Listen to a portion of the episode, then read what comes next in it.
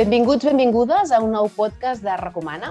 Avui parlarem de dansa i més concretament del Premi de Dansa de l'Institut del Teatre, que enguany arriba a la vuitena edició.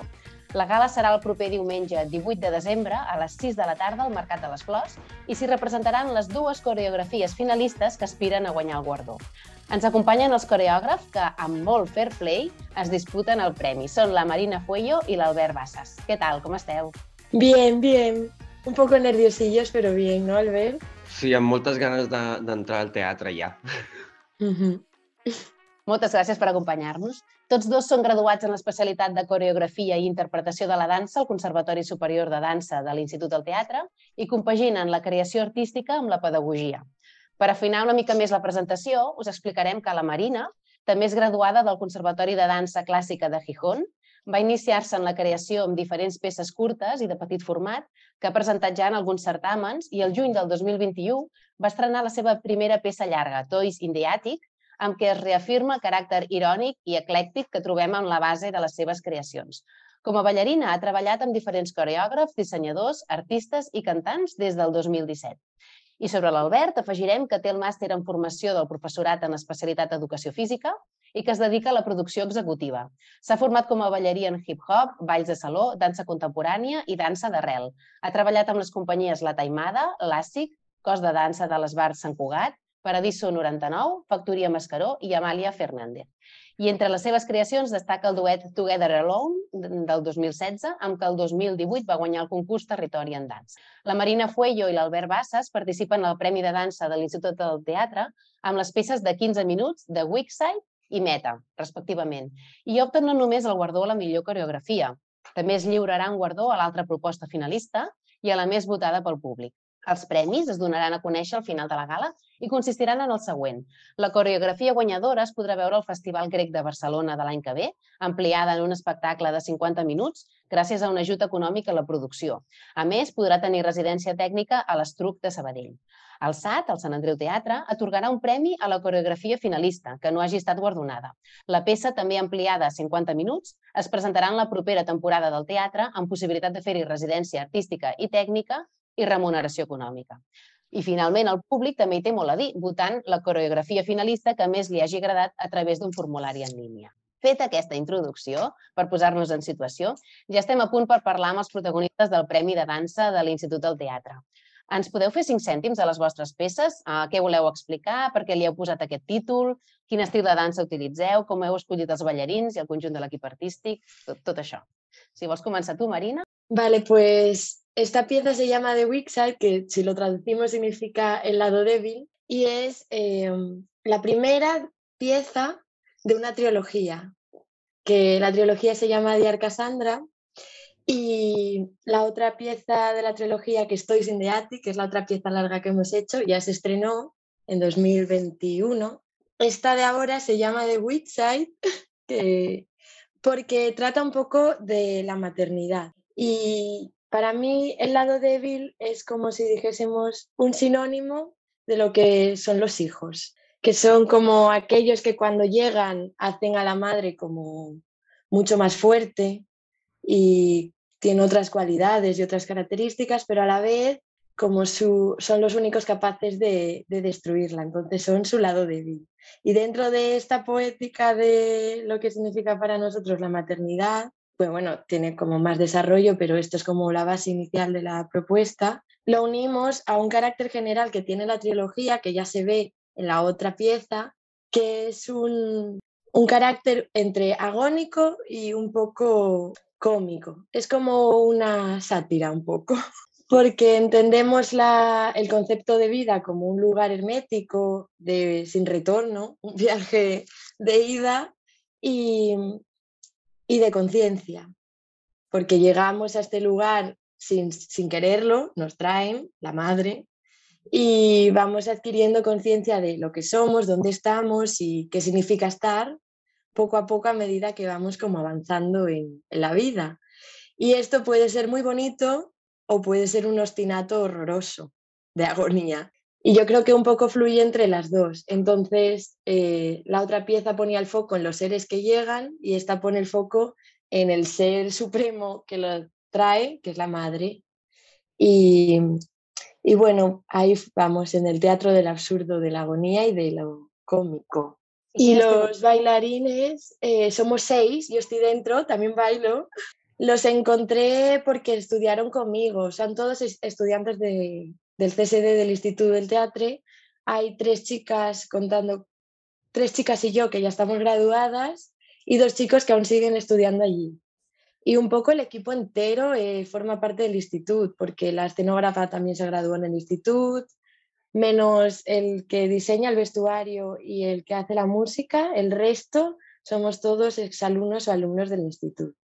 Y creo que esto nos da como mucha coherencia de grupo porque tenemos un discurso que hemos ido aprendiendo estos años, entonces más o menos pues nos relacionamos dentro de los mismos conceptos y del mismo discurso y es guay. Y con algunas de estas intérpretes ya llevo trabajando años, entonces em, puede ser que parezca un poco extraño lo que pido, la forma de trabajar o, el resultado, pero al llevar con ellas ya muchos años como que se hace mucho más fácil el entendimiento entre nosotros. Así que yo estoy muy contenta. Molt bé. Moltes gràcies, Marina. Gràcies I a la- ti. I l'Albert, què ens pot explicar del seu meta? Eh, no sé si gaire, la veritat. Com, com molt bé has dit abans, jo vaig començar el màster d'Educació Física per buscar una sortida estabilitzadora a nivell com socioeconòmic per poder anar una mica més tranquil a l'existència. No passarà perquè estic al número 80.000 de la llista, però bueno, el que vaig descobrir és que en la formació en si, per ser professor d'Educació Física, hi ha com un, un treball constant de com ensenyar a competir des d'un lloc positivista, diguem-ne. I el que vaig veure és que jo, des de la formació que tenia a nivell dansístic, aquesta competició no està enquistada a la pròpia formació, sinó que forma part més de doncs, fer càstings, vendre't cap en fora, però inherent a la, a la formació no existeix aquesta competició, sinó que és un treball propi d'autoconeixement, autoenteniment i des d'aquí el desenvolupament personal. Vaig veure també que mm, aquestes com premisses competitives no són útils de cara al desenvolupament d'adolescents i això, un cop vaig acabar el màster, amb el treball final de màster, titulat La dansa com a vehicle per al currículum d'educació física a l'educació secundària obligatòria, doncs vaig, vaig indagar en poder convertir això en una peça escènica. I d'aquí és on neix Meta, des de l'empoderament de totes aquelles persones que fracassen en algun moment de la seva vida, que em sembla que és tothom, però potser m'envalentono a dir-ho, i una mica doncs, posar en valor que qualsevol equivocació és passible de ser un aprenentatge o de convertir-se en això.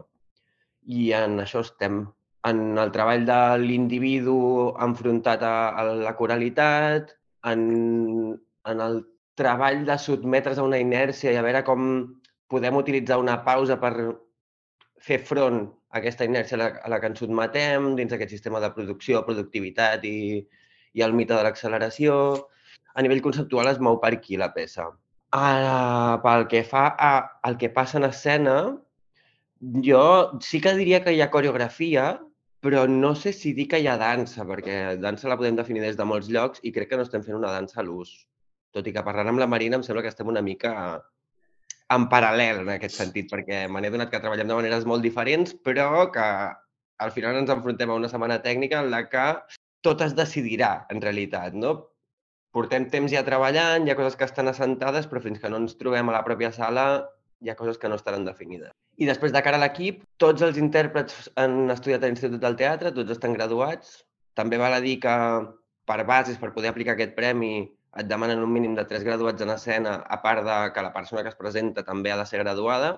I això fa que dels quatre intèrprets, doncs tres havien d'estar sí o sí graduats. Dic, ja que hi som, em busco un quart que no és graduat en dansa, sinó que està graduat en teatre físic i així també aposto una mica pel que vaig estar apostant mentre vaig estu estudiant allà, que era la hibridació de dansa i teatre.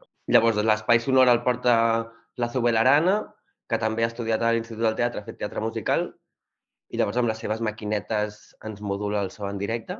L'única persona que no ha passat per l'Institut del Teatre és l'escenògraf, perquè després tenim il·luminadora i tècnic de so, que han estudiat a STAE. Vull dir que cadascú, en realitat, i no ha sigut buscat, cadascú s'ha format en allò pel qual està treballant a Meta. Molt bé. El, el jurat està format per la directora general de l'Institut del Teatre, la Sílvia Ferrandó, el director del Grec Festival de Barcelona, el Francesc Casadesús, la directora del Mercat de les Flors, que és l'Àngels Margarit, el director de Serveis Culturals de l'Institut del Teatre, Jordi Fondavila, la sotsdirectora del Conservatori Superior de, de Dansa, Blanca Ferrer, la directora de dansa València, Maria José Mora, i la ballarina i coreògrafa Núria Guiu. I tot això us ho dic perquè què, què, què creieu que tindran en compte a l'hora de valorar les vostres peces un jurat d'aquesta talla? Uh! Sí. Jo suposo que buscaran coherència entre el dossier que van plantejar a finals de maig i la proposta final crec que com serà el punt més important. Després que en si mateixa la peça estigui tancadeta, però a la vegada sobria poder convertir-se en una peça llarga. Sí, yo creo que la coherencia de lo que hayamos hecho, o sea, de lo que hayamos escrito en el dossier anterior y lo que presentemos y la coherencia con lo que pensamos que es como la pieza final larga, que bueno, la pieza ya es la de los 15 minutos, pero con posibilidad de alargarse, creo que es un poco lo que más van a tener en cuenta, porque luego los estilos, la, las formas de poner en escena, la forma de trabajar son tan diferentes que no creo que se puedan casi comparar, en plan, son formas distintas de hacer. Entonces yo creo que más que si está bien, si está mal, es la coherencia.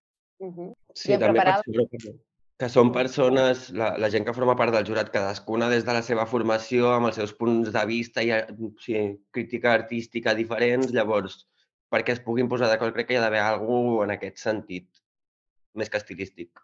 I en preparar la coreografia, heu pensat en aquest jurat, en el públic? Heu fet una mica que us ha vingut de gust, eh, una barreja de tot?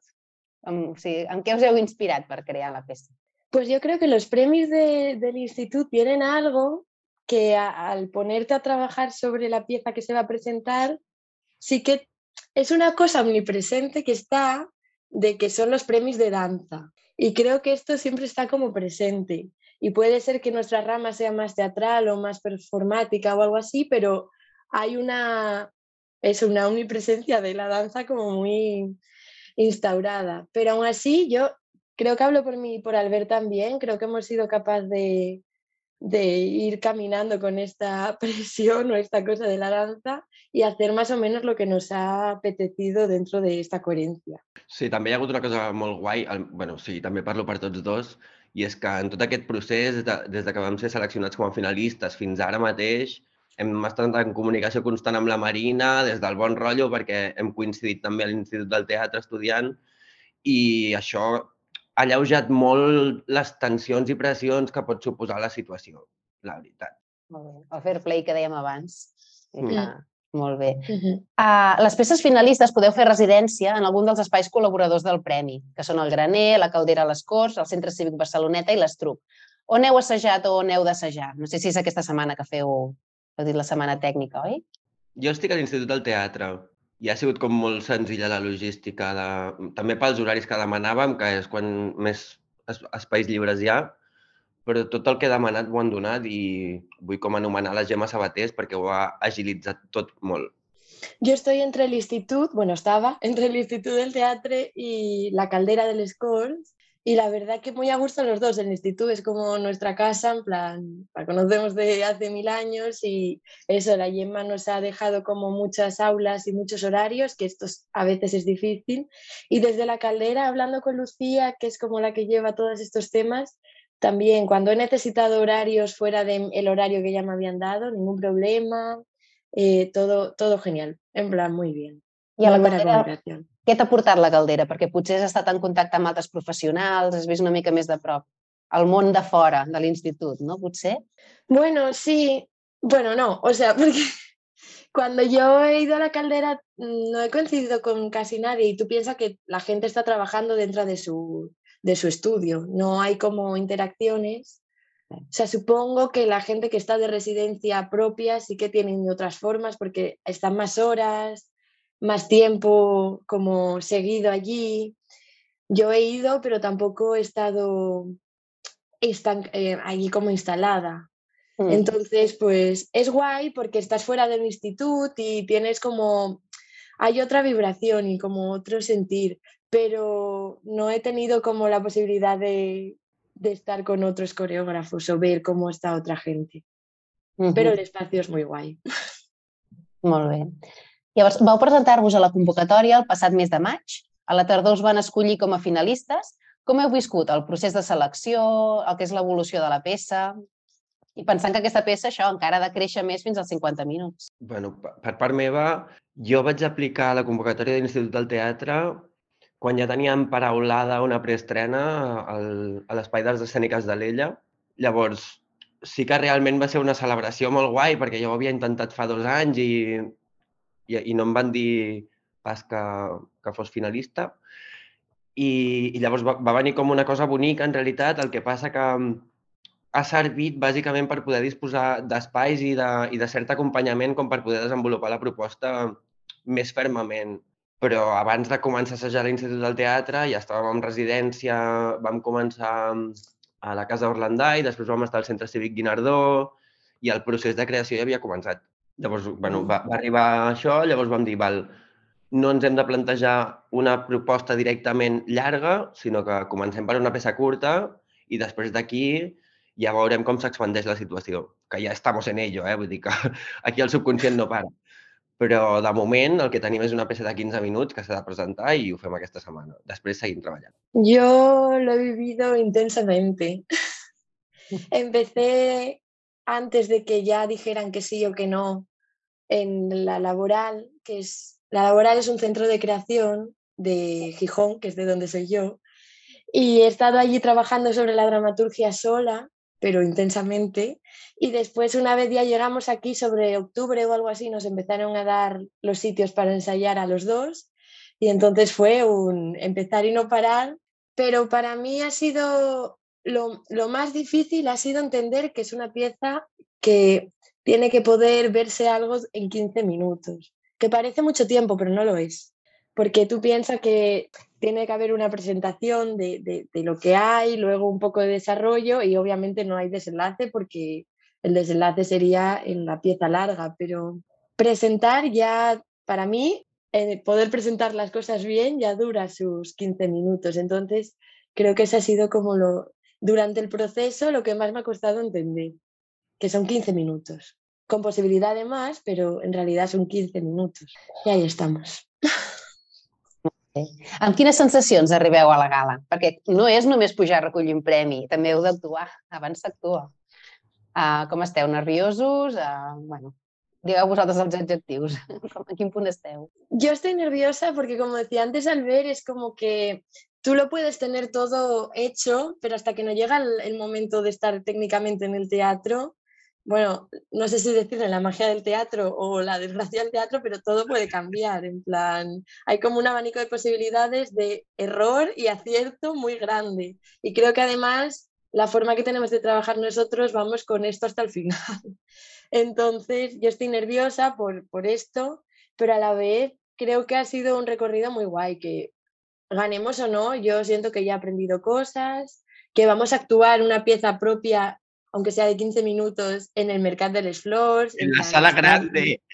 No, no, o sea, para nosotros es como, wow. Creo que puede ser como el principio y luego ya falta mucho trabajo y, y hay que aprender un montón, pero jolín, yo estoy agradecida ya. yo estoy muy contenta. Sí, jo també. I me n'adono que sí que hi ha certa pressió en tant que, no sé, entenc el Premi de Dansa com un possible trampolí que hem de saber utilitzar. Llavors, de, des de la ignorància a nivell professional, és dir, vale, o sigui, aquesta oportunitat ja la tenim, ara, com la gestionem, no? Mm. Tirem per separat, tirem conjuntament, podem generar alguna que sigui un pack de tots... bueno, hi ha com moltes possibilitats en aquest sentit, no? Perquè de repente Marina Foyo i Albert Bassas competiran per un premi, però en realitat hi ha dos premis i, i hi ha dues peces però pot ser que declarin un premi desert. Llavors jo em centro en el concepte que estem treballant, que és el fracàs, i dic qualsevol opció s'hi val, perquè serà un fracàs sí o sí tot. No, y creo que está muy guay porque este año no hay como, no tenemos ninguno de los dos nada que perder, en plan, como no hay esta presión, y creo que esto es, es bien, porque nos deja trabajar bien y como no tenemos este sentido competitivo, pues estamos a gusto y hay buena comunicación. Es guay. La Berta ha parlat això de trampolí i us volia preguntar com veieu el Premi de Dansa. Si veieu que suposa una porta d'accés al món professional, precisament per aquest ajut a la producció i l'exhibició, que potser és el que costa més no? de, de començar. Sí, o sigui, crec que ho simplifica en aquest sentit, sobretot per l'ajut econòmic. perquè a nivell d'espais no, hi ha, no hi ha suport. Vull dir que és una cosa que ja estem començant a lluitar també per veure on treballem en aquest sentit, perquè ens han donat espai per poder treballar la proposta curta, però després per la llarga et donem diners i lloga't tu l'espai. Llavors, bueno, estem en això. I el tema del trampolí, o sigui, és com molt fer volar coloms, en realitat, perquè pot ser que funcioni, pot ser que interessi, pot ser que no, poden passar mil coses. Però la idea de que això és possible està, i això, vulguis que no, té el seu pes.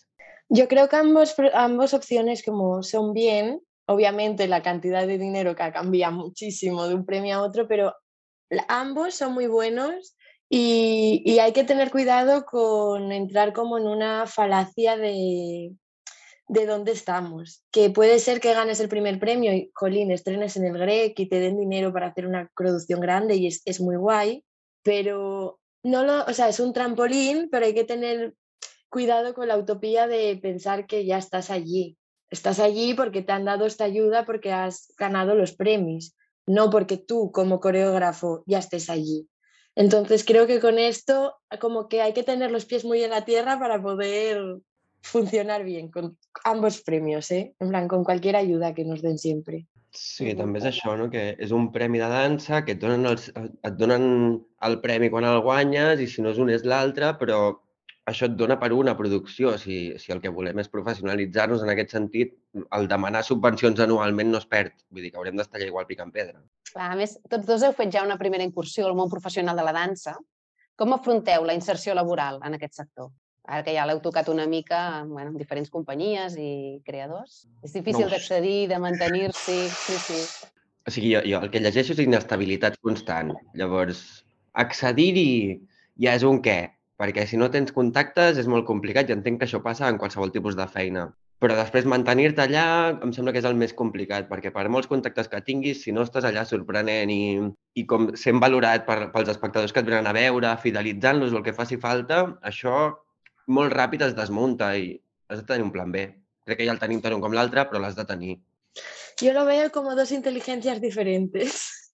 porque tú puedes ser muy, muy bueno en este tema de, de buscar subvenciones, de, de, meterte en ellas, de escribir a residencias, no sé qué, no sé cuánto, todo esto de intentar ahí meter la cabeza en el mercado y, y en, el, en estar en este lugar profesional de la danza y por otro lado la inteligencia que tú tengas como creador. Entonces puedes ser muy buen coreógrafo y quedarte en, en, nada, o sea, no entrar en este lugar del mercado, o puedes tener muy buenas tácticas, pero no, no, no, desarrollar también tus propuestas. Entonces son como dos inteligencias diferentes, pero que son necesarias que las tenga una sola persona, que es pues el director, el, el, el coreógrafo. Es, es, difícil, yo pienso. O sea, a mí me parece un poco, bueno, muy estresante, pero estamos en ello, en esta precariedad. Igual hacemos un tándem super guay, Marina. O sea, que no te preocupes. Doncs Marina Fuello i Albert Bassas, moltes gràcies pel vostre temps i moltíssima merda per la gala. Tots Ai, els... gràcies. Sí, digueu, digueu. No, que gràcies, gràcies. Sí, moltes gràcies, perquè ara mateix fa falta aquest xute d'energia positiva, aquest somriure que portes, és com molt agraït, la veritat. No sabia que veníem i ha sigut molt fàcil. Sí, muy bien. Y así nos reencontramos Albert y yo, que da más sensación de, Exacte, de equipo, de, de buen grupo. de que mañana nos vemos otra vez. Sí, passau. Molt bé, doncs acabem amb aquest bon rotllo. Ah, aquest bon rotllo. A tots els oients us recordem que 8, el 8è Premi de Dansa de l'Institut del Teatre serà diumenge 18 a les 6 de la tarda al Mercat de les Flors i que hi esteu tots convidats. Moltes gràcies.